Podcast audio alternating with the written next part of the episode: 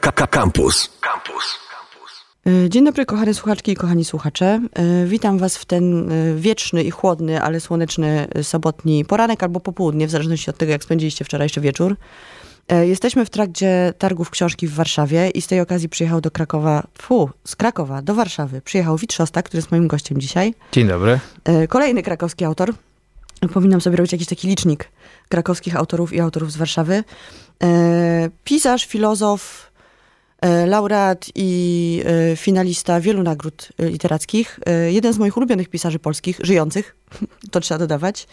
E, Zaprosiłam Wita, w ogóle chciałam zaprosić od dłuższego czasu, ale miałam teraz pretekst, bo wyszła, ukazała się książka Szczelinami, e, która ma w podtytule, albo nie w podtytule, słowo powieść, o czym zaraz będziemy rozmawiać. Książkę tę wydało wydawnictwo Powergraph.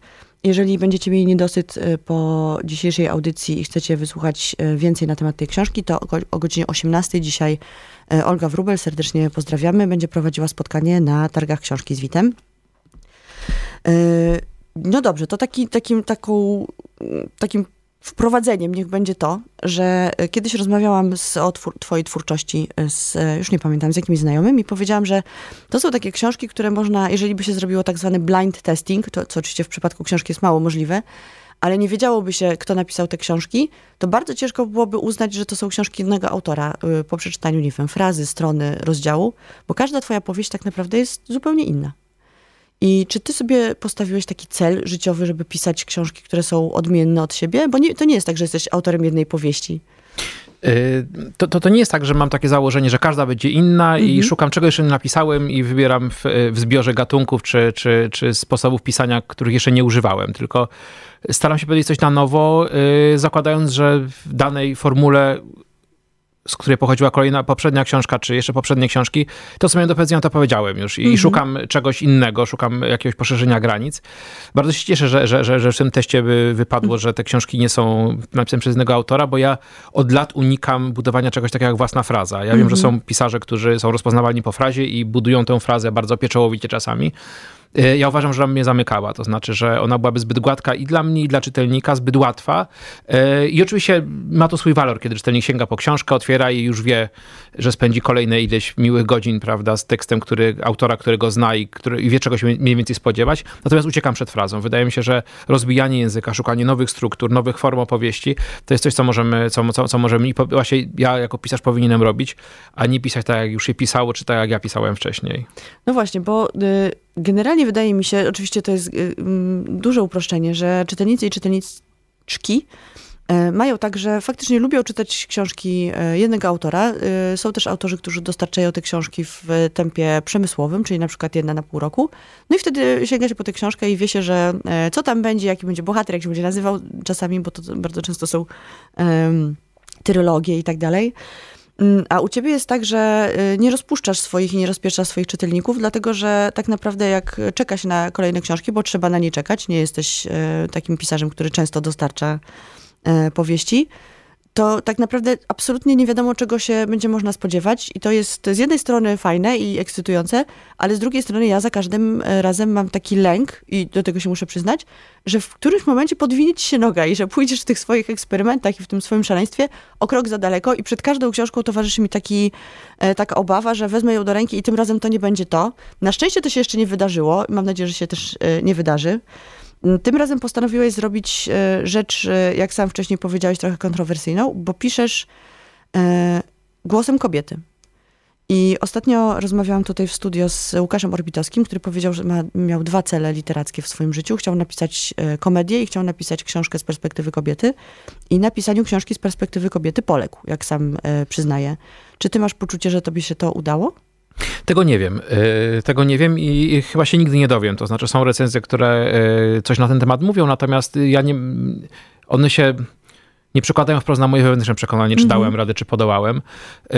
Do, do podjęcia y, się napisania książki z perspektywy kobiety zachęciły mnie reakcje na poprzednią moją książkę na cudze słowa, gdzie po raz pierwszy stworzyłem kobiece narratorki, wcześniej się bałem, stwierdzając, że po prostu będę niewiarygodny. To nie chodzi o to, że się bałem kobiet, czy pisać o kobietach, tylko bałem się, że będę niewiarygodny opowiadając świat z perspektywy kobiety.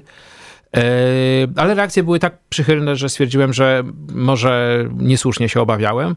No i teraz poszedłem już na całość, to znaczy mm. cała książka jest pisana tylko i wyłącznie z perspektywy kobiety. E, te moje obawy mm, są obawami raczej związanymi z literaturą i z odbiorem literatury, z pewnym przekonaniem, co wolno, czego nie wolno, niż z jakimś moim wewnętrznym doświadczeniem, bo mm, całe moje życie tak jakoś przebiegało, że nie uświadomiono mi nigdy, mówię o swoich jakichś bliskich relacjach z kobietami, mm -hmm że pomiędzy kobietami a mężczyznami jest jakaś fundamentalna różnica mhm. E, komunikacyjna, językowa, emocjonalna, którą trzeba przekraczać. To jest jakiś wielki wysiłek. To znaczy, te kobiety, które są gdzieś jakoś blisko mnie, moja żona, przyjaciółki, z którymi rozmawiam, to są kobiety, z którymi się świetnie dogaduję i nie mam poczucia, że coś nam umyka właśnie z tego powodu, że ja jestem mężczyzną, mhm. one są kobietami. Więc to jest moje takie najbardziej źródłowe doświadczenie spotkania z ludźmi po prostu. Mam wrażenie, że wielu mężczyzn nie rozumiem o wiele bardziej niż, niż, niż, niż wielu kobiet, ale jednocześnie gdzieś dookoła wisi taka aura, że E, to są jakieś oddzielne światy i nieprzekładalne i, no i tak dalej, i tak dalej, to możemy o tym długo rozmawiać.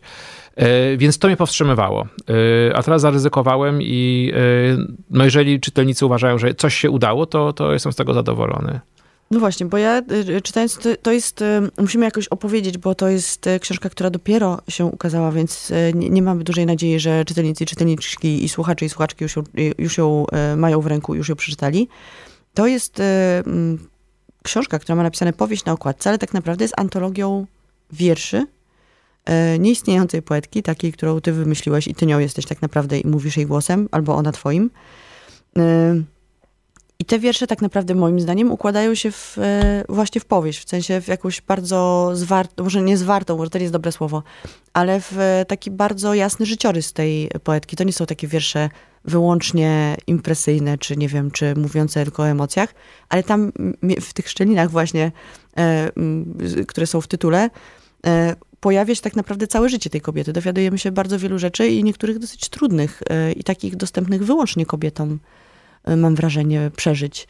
I ciekawi mnie, jak, jak, e, do, do, czego musiałeś sięgnąć, żeby na przykład napisać o, nie wiem, o złamanych sercach, o, nie wiem, e, ja tam wyczytałam też jakieś, nie wiem, poronienia na przykład i tak dalej.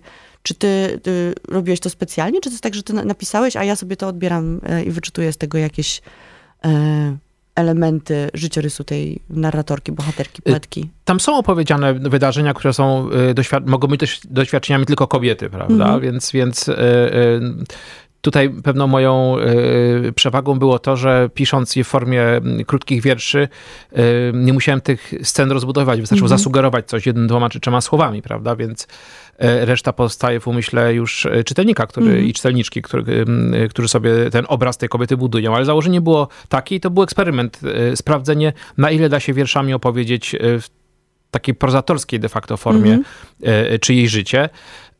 Ja miałem kilkakrotnie takie doświadczenie, kiedy czytałem wiersze zebrane różnych poetów i mm -hmm. poetek. Pamiętam pierwsze takie uderzenie przy wierszach zebranych Kaczyszyna Dyckiego, kiedy nagle zobaczyłem, że poza pojedynczymi wierszami, w które można wchodzić, analizować, przeżywać, wracać do nich, układa się jednak pewna opowieść o życiu. I żeby było jasne, nie chodzi mi o to, że po, czuję, że poznałem życie mhm. Eugeniusza Tkaczyszna-Dyckiego, mam świadomość różnicy między autorem, podmiotem i tak dalej, ale jednak kiedy mamy wiersze zebrane z kilkunastu, kilkudziesięciu lat, to wtedy układają się w takich antologiach pewne um, linie, pewne główne wątki, um, pewne doświadczenia, na które poeta w swoich wierszach, czy poetka zwracają uwagę, takie, które omijają. Mhm. Jeżeli omijają, możemy pytać dlaczego, dlaczego o czymś nie piszą, albo piszą w taki bardzo omowny sposób.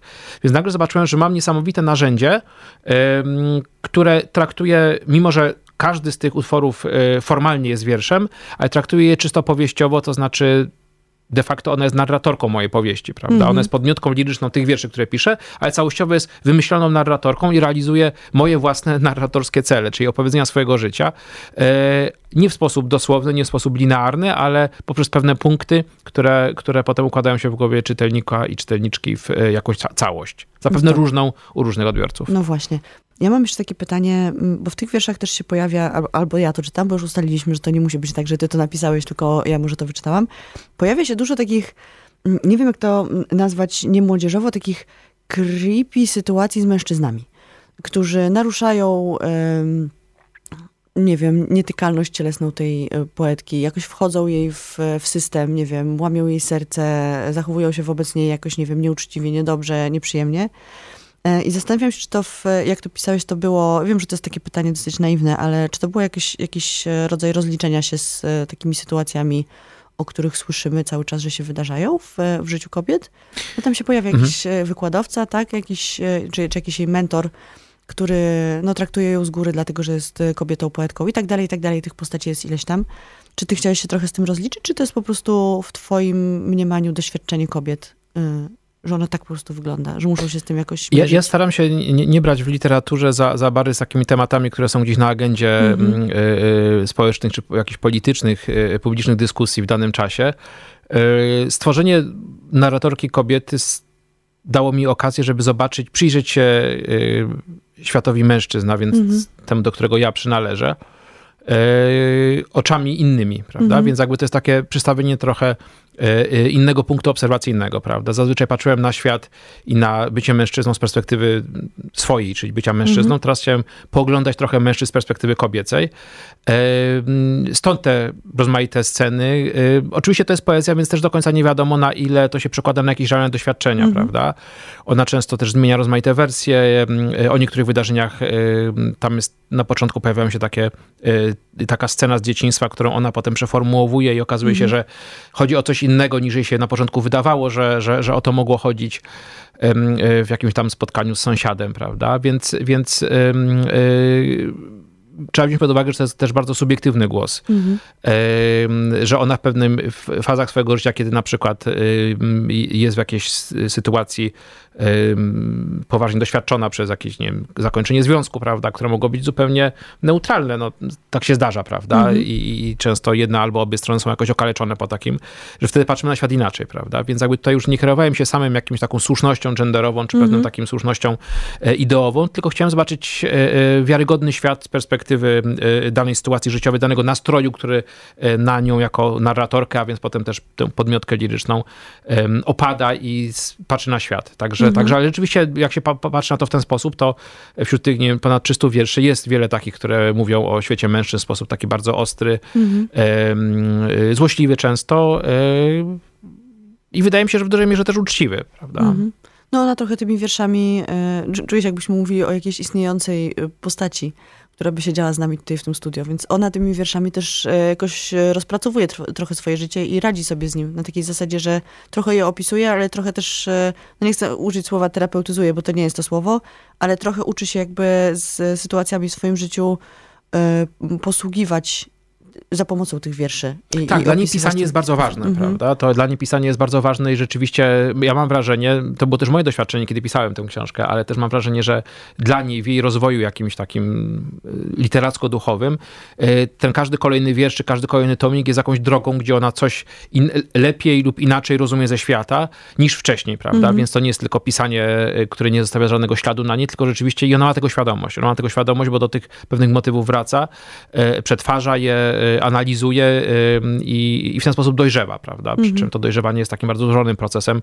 To nie znaczy, że zawsze jesteśmy dojrzali, jesteśmy lepsi, tylko po prostu inni. Jakoś pełniejsi, ale też jakoś też, prawda, może... pewnym sensie bardziej pełniejsi, ale też jako dojrzali bardziej puści, prawda? Bo mamy, jesteśmy, może mamy mniej jakiejś naiwności, mniej spontaniczności, więc dojrzałość jest dwuznacznym tutaj bardzo procesem, ale wydaje mi się, że dojrzewanie w jej, w jej życiu tutaj zachodzi właśnie dzięki wierszom, między innymi dzięki wierszom. Mhm. Dlatego też e, być może warto poprosić czytelniczki i czytelników, żeby nie traktowali tego tak jak zwyczajny tomik poezji, czyli nie otwierali sobie w trzech czwartych i czytali jeden wiersz i odkładali to na dłuższy, na dłu- dłuższy moment i potem wracali po dwóch tygodniach, tylko jednak mimo wszystko, żeby ten, e, ta chronologia została zachowana i żeby czytać tę książkę od początku do końca, tak jak powieść. Tak, to jest pewna też fabuła i tam są pewne fabularne też zagrania, które e, no, znikną, kiedy będzie się to czytało tak zupełnie na wyrywki i w odwrotnej kolejności. Chociaż dzisiaj mój znajomy wziął do ręki tę książkę, otworzył sobie właśnie w, na, na jakimś wierszu i powiedział, że o mój Boże, jaki piękny wiersz.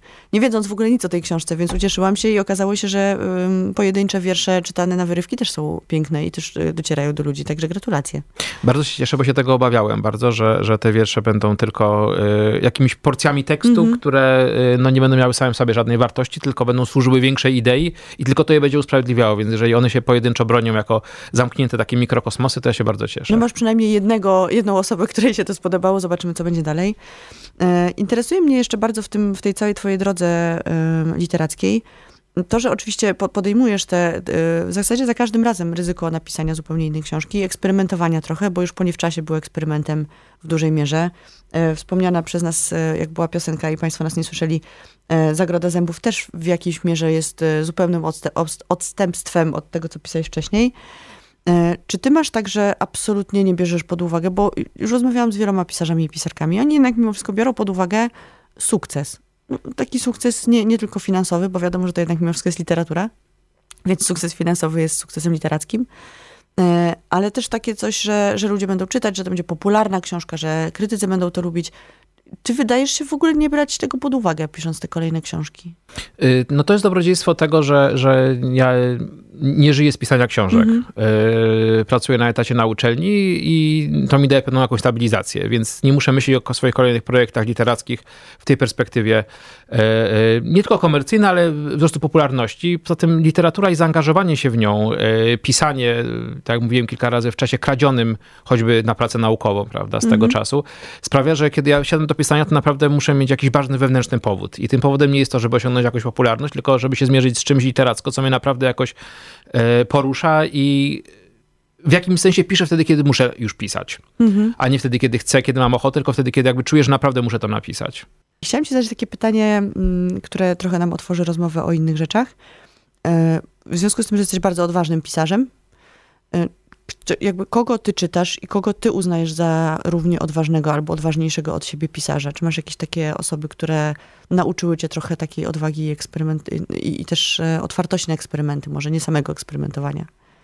Y, ja mam wielu pisarzy i pisarki uważam za, za odważnych i odważniejszych od siebie, y, do tego stopnia, że bardzo często mnie to paraliżuje. To znaczy, mm -hmm. patrzę na swoją półkę w bibliotece, czy cały regał z literaturą światową i myślę sobie, po co w ogóle ja się biorę zapisanie w takiej sytuacji, kiedy przed mną był Faulkner -hmm. i tak dalej, i tak dalej. To można, prawda, Marquez, Vargas Llosa, Virginia Woolf, Joyce.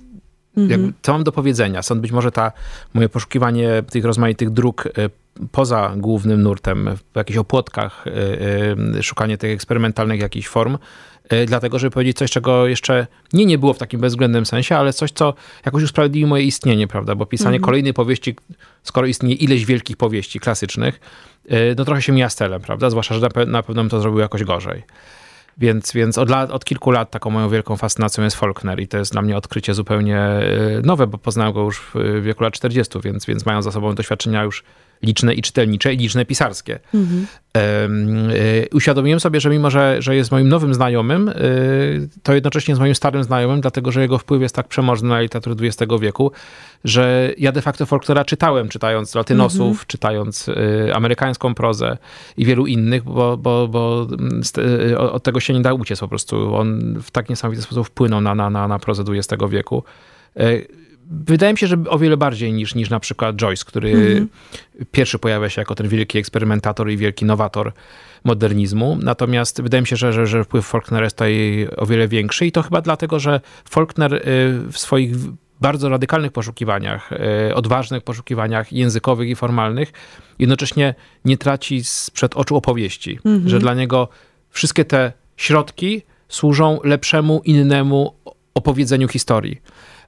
I to jest mi bardzo bliskie jakoś, e, że te eksperymenty nie są puste, czy nie są pewną próbą sprawdzania tylko możliwości języka, ale również pytania, na ile dzięki temu możemy lepiej opowiadać, zobaczyć, opowiedzieć coś, czego nie widać w klasycznym sposobie opowiadania, czy klasycznych metodach opowiadania.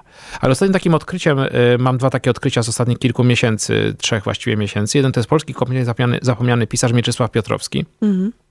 Wydawany w latach 70. i wczesnych 80 E, który napisał fenomenalną powieść Złoty Robak. I to jest e, rzecz, która moim zdaniem jest w pierwszej trójce wojennych polskich powieści. Mhm. Powinna być na każdym podium, bo to jest tak wybitna powieść pod każdym względem. Właśnie kolejny pisarz, który jest e, niezasłużenie nieznany. Niezasłużenie, ale kompletnie nieznany. Mhm. On jest kompletnie zapomniany, bo o tych, którym na tym podium jeszcze umieścił, jak na przykład o też częściowo zapomnianym Leopoldzie Buczkowskim, czy powiedzmy Czyczu, czy paru jeszcze innych, o tym, o, o nich się jakoś słyszy gdzieś, mhm. Prawda? Natomiast y, wydaje mi się, że Piotrowski jeszcze czeka na swój renesans, na swoje odkrycie i wznowienia przede wszystkim i mam wrażenie, że może uruchomić jakąś nową falę za, za, zainteresowania tym pisarzem, bo Złoty Robak czy 4 sekundy, które teraz czytam, to są rzeczy absolutnie fenomenalne. No i rzecz, która mnie zupełnie zaskoczyła, zbiła z tropu, ale zafascynowała i wciągnęła, to kochanka Wittgensteina Marksona, która się niedawno ukazała. Też książka, która miała, autor miał wiele z nią problemów z wydaniem jej e, w Stanach, potem wydanie w Polsce też nie było łatwe. O, udało się i to rzeczywiście znakomita rzecz, pokazująca jak taki bardzo radykalny postmodernizm. To jest mm. książka, którą David Foster Wallace uważał za najważniejszą, czy najważniejszych książek współczesnej amerykańskiej prozy. Jednocześnie e, potrafi nam pokazywać lepiej świat, prawda? Mm. Nie mhm. jest tylko jakąś czystą zabawą, czystą grą literacką, ale też odsłanianiem bardzo złożonej rzeczywistości, naszej pamięci, wspominania, budowania świata, e, budowania języka. A to wszystko jest fascynujące również yy, literacko, więc to się czyta z opiekami na twarzy. Chociaż nie ma tam fabuły w takim klasycznym tego słowa znaczeniu. No w zasadzie fabułę można było streścić w dwóch zdaniach, tak? W Kochanki Wittgensteina, a okazuje się, że z wypiekami na twarzy czytamy, nie wiem, tam jest 400 ponad stron, prawda? Tej, tak, tej tak, historii. Tak, także to rzecz znakomita, świeżutka, bo to się całkiem niedawno ukazało. Więc, jest bardzo serdecznie polecam. I wracajcie do Faulknera, to jest takie moje też. I odkrywajcie Piotrowskiego, za parę złotych na Allegro chodzi, więc to są no naprawdę... No właśnie, może nam się uda jakoś tą audycją zmusić kogoś do, do wznowienia y, Złotego Robaka. Mam taką nadzieję. Coś słyszałem, że jakieś próby są robione, ale mm, nie są jakoś specjalnie upoważnione, żeby o tym mówić, bo nie wiem na jakim mm -hmm. one są etapie. E, więc nie chcę to jakby niczego spalić, ani też wsypać, prawda? Więc teraz jak wszyscy sytuacji. się rzucą, rzucą do internetu i będą chcieli kupować książkę Złoty Robak, to może zauważą ten nikły ruch e, wydawcy i postanowił zbić fortunę na tym zapomnianym polskim pisarzu. Mm, rozmawiałam wielokrotnie, bardzo często rozmawiam o twoich książkach z, z ludźmi, e, ze swoimi znajomymi, nieznajomymi również. I wychodzi mi na to, że mm, tak jak każdy ma swojego Sebalda ulubionego, swoją opowieść Sebalda i one oczywiście zmieniają z wiekiem i z momentami w naszym życiu, e, tak z kim nie rozmawiam, to każdy ma e, innego ulubionego szostaka. To też jest dosyć ciekawe i to też e, trochę mm, wracając do tego, co mówiliśmy na początku, czyli, że twoje książki, jeżeli się wyrwie z nich po kawałku, to ciężko by było przyporządkować je do, do jednego pisarza i, i faktycznie zobaczyć, że łączy je jakaś wspólna fraza. E, czy ty masz jakąś swoją, swoją ulubioną książkę, do której, którą jakoś tak najbardziej z sentymentem wspominasz, nie wiem, czy pisanie, czy, czy, czy jakoś wyjątkowo ciepło została odebrana przez ludzi i dostawałeś te informacje, bo wiem, że ludzie, co jest wspaniałym y, sposobem na obcowanie z pisarzami, jak im się coś podoba, to potrafią do nich podejść albo napisać i im to powiedzieć. E, zachęcam w ogóle do takich y, aktywności. Tak, no paradoksalnie książka, która najlepiej spotkała się chyba z najlepszym przyjęciem, y, chyba do czasu cudzych słów, i też jakby naj, była naj, największym sukcesem, moim sukcesem nakładowym, to 100 dni bez słońca. To nie jest książka, którą uważam za swoje najważniejsze osiągnięcie literackie, a chyba najwięcej dostałem maili takich w, jeszcze w dawniejszych czasach, prawda, bo cudze słowo okazało się relatywnie niedawno, więc to jest mm -hmm. sprawa dla mnie jakoś świeża ale od tamtej minęło już ładnych parę lat, więc yy, i do tej pory dostaję jakieś maile, że właśnie taka, ktoś się ubawił przy niej, ktoś, prawda, -hmm. E, popłakał ktoś, prawda, zgrzytał zębami, ale że to jakoś ich obeszło. E, natomiast ja to pisałem jako rodzaj pewnego żartu literackiego i jestem jakoś zadowolony w takim sensie, -hmm. że gdyby była klęską, to by nie wydał po prostu, e, mając do niej tam zastrzeżenia do każdego swojego tekstu, ale mnie ta popularność trochę dziwi. Trochę ją rozumiem, bo ona jest taka lekka w tonie i, i tak dalej, natomiast... No jest przede wszystkim satyrą na środowisko akademickie, z którego bardzo lubimy się nabijać, tak. bo jest tam dużo rzeczy, z których można się śmiać. To prawda, jeszcze jak w podtekście jest, że autor jest uczestnikiem tego, tego życia mm -hmm. akademickiego, to jest to satyra nie jakaś zewnętrzna, oparta na sentymencie, tylko wewnętrzna, bo w każdym właściwie możliwej rozmowie gdzieś tam wychodzi to, że jestem akademikiem, więc jakby, więc, więc może to są te powody. Wydaje mi się, że dla mnie taką najbardziej przełomową książką i w związku z tym jakoś najważniejszą w pewnym momencie była Fuga. -hmm. I wtedy zobaczyłem, jak można zupełnie inaczej pisać literaturę, że to nie musi być zwykłe układanie historii, tylko rozbijanie tych historii na rozmaite warianty, rozmaite powtórzenia, iteracje. Tam pewien pomysł na, na, na taką refreniczną e, literaturę, który gdzieś tam pojawił się wcześniej w Oberkach, e, potem powracał, chyba w sposób najpełniejszy się, się, się zrealizował. Yy, no mam duży sentyment oczywiście do, do, do, do, do Szczelinami jako tego najmłodszego dziecka, więc, mm -hmm. więc ponieważ one są tak różne, więc trudno mi wartościować. Gdyby to mm -hmm. były książki pisane na jednym tonie, to mógłbym mniej więcej, mając jakieś doświadczenie, ocenić lepiej lub gorzej, która jest lepsza mhm. bo by grały w tej samej konkurencji, ale ponieważ każda startuje w nieco innej konkurencji, kategorii jakiejś, mhm.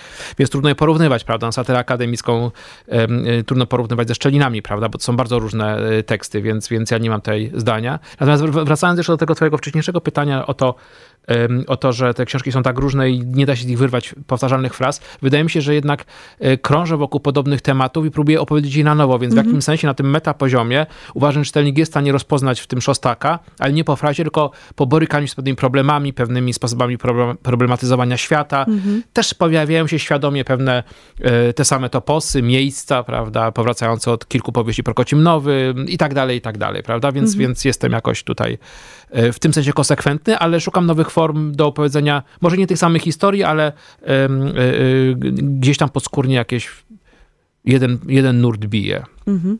Wit przyjechał do Warszawy w związku z targami książki, które się odbywają pod Pałacem Kultury. Jesteśmy zamknięci w studio, więc nie wiemy, czy na zewnątrz nie ma Armagedon, Armagedonu i nie zaczęło padać, wiać i nie zwiało wszystkich namiotów. Jeżeli nie, jeżeli jesteście ciepło ubrani, to zachęcam do tego, żeby się na targi wybrać, yy, pokupować książki, popatrzeć, co się w Polsce wydaje, a potem pójść na spotkanie o 15 z Łukaszem Orbitowskim, o 18 z Witem Szostakiem. Na oba bardzo serdecznie zapraszam. E, chciałabym jeszcze wrócić do twojej pierwszej książki, bo to nie jest twoja pierwsza książka. To jest pierwsza książka, którą ja przeczytałam, więc w mojej świadomości to jest pierwsza książka, czyli Oberki do końca świata, bo ty wcześniej pisałeś e, książki fantastyczne, prawda? Tak, i w jakim sensie Oberki są dla mnie też pierwszą książką, mhm. w takim sensie, że rzeczywiście... Y kiedy już porzuciłem, porzuciłem literaturę gatunkową, to to jest pierwsza rzecz, którą napisałem potem mm -hmm. i wypłynęły zupełnie też nowe wody dla siebie, nieznane, których się trochę bałem. E, na początku, kiedy zaczynałem pisać, e, bałem się pisania e, literatury takiej bezprzymiotnikowej, mm -hmm. bo mhm. miałem ileś półek przeczytanej tej Bardzo literatury. nazwa. I, I się obawiałem, to mm -hmm. znaczy, to jak mogę pisać, kiedy, prawda, przede mną pisali Dostojewski, Man i tak dalej, i tak dalej, prawda. Więc fantastyka była dla mnie takim dość bezpiecznym nie wiem jak to nazwać, bo to nie chcę też jakby tutaj być y, niemiły dla fantastyki, ale mhm. takim bezpiecznym, bezpieczną przestrzenią, gdzie w ramach pewnego gatunku powieści przygodowej mogłem budować jakąś swoją opowieść y, i po trzech książkach wydanych w fantastyce wydają właśnie oberki. Dla mnie to była zupełnie też nowa przygoda literacka, więc w jakim sensie to też, też moja pierwsza powieść, w pewnym sensie. Ja pamiętam, jak y, studiując etnologię i antropologię kultury sięgnęłam po oberki, które są, czy to jest w ogóle prawda, czy ja sobie to wymyśliłam, że one są pisane E, na melodię Oberka, trochę ta książka, że ona próbuje Tak, tam jest taka, pomysł formalny jest taki, że gdyby wyrzucić z tej książki dosłownie wszystkie zdania, które nie są pierwszymi zdaniami akapitów i zostawić mm -hmm. tylko pierwsze zdania akapitu, to się ułożą w każdym rozdziale i w kolejnych rozdziałach ułożą się y, zrymowane, zrytmizowane przyśpiewki, które mają, w mojej głowie miały wzorzec bardzo konkretnych oberków, których mm -hmm. ja się tam mhm. uczyłem grać amatorsko u wiejskich muzykantów, więc dzisiaj już chyba nie, ale parę lat temu jeszcze byłem w stanie do każdego oberka zanucić melodię tych otwierających każdy akapit fraz. I to dość konsekwentnie było robione, a tę rytmikę sprawdzałem, bo to -hmm. czasami było e, sylabotoniczne, czasami sylabiczne, czasami toniczne, więc jakby więc różnie, ale, ale, ale tak jest. Czyli od samego początku miałeś tendencję do tego, żeby utrudnić sobie trochę życie i schować w tych książkach jakieś ukryte treści? Wiesz, bo to, to nawet nie chodziło o chowanie treści, tylko zastanawiałem się, jaka forma jest właściwa dla opowiedzenia świata wsi. I -hmm. oczywiście y, nie byłem pionierem, bo oczywiście za mną, za plecami czułem oddech tych wspaniałych prozaików, którzy tworzyli literaturę chłopską mm w latach 70., 80., tak jak Myśliwski, żyjący i nadal tworzący, ale Tadeusz Nowak, prawda, mm i paru jeszcze, Redliński, paru jeszcze innych, tu można wymienić, ale głównie Myśliwski i Nowak są te dwa nazwiska, które warto przywołać. E, więc oni pisali powieści dziejące się na wsi. Mm -hmm. e, natomiast ja mam takie poczucie, że powieść, wtedy miałem takie poczucie, dalej jakoś bym go bronił, że powieść jest wytworem kultury mieszczańskiej, XIX-wiecznej kultury mieszczańskiej i ona świetnie oddaje świat, złożony świat miasta burżuazji. Największe powieści XIX wieku toczą się w miastach. -hmm. XX zresztą w dużej mierze też, e, zwłaszcza z początku. E, Flaubert, Dostojewski, no mhm. wiadomo. E, I miałem poczucie, że atakowanie powieścią, tą maszynerią powieściową, która już jest pewną jednak tworem nowoczesnym, w rozumieniu nowoczesności, prawda, jako epoki, e, rzeczywistości radykalnie przednowoczesnej, mhm. e, jest czymś nieuprawnionym. Mi to bardzo zgrzytało.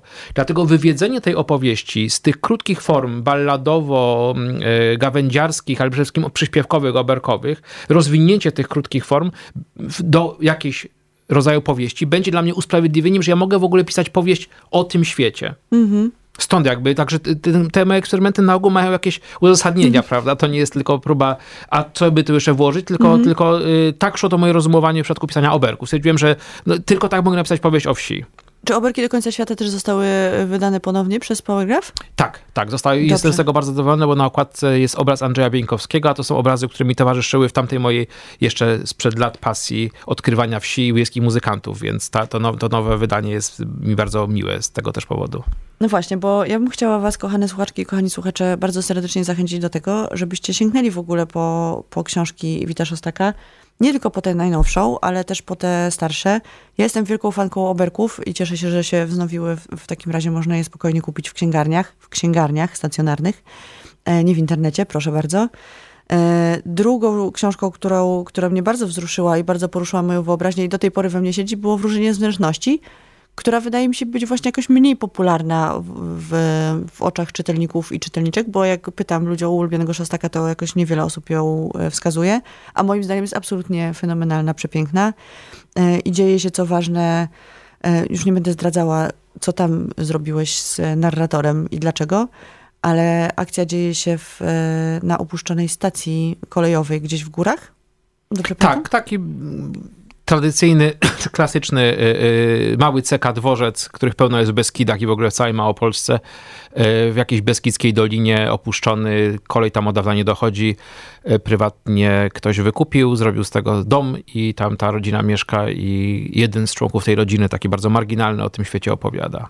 To jest, to jest pomysł i to jest coś, co moją wyobraźnię zapłodniło na lata bo do tej pory moim największym marzeniem jest znaleźć taką stację kolejową i na niej e, zamieszkać. Okazało się, że nie jest to proste e, i też podejrzewam, że musiałabym zmienić e, jednak e, obszar, mm, w którym pracuję, żeby móc sobie pozwolić na wykupienie stacji kolejowej gdziekolwiek.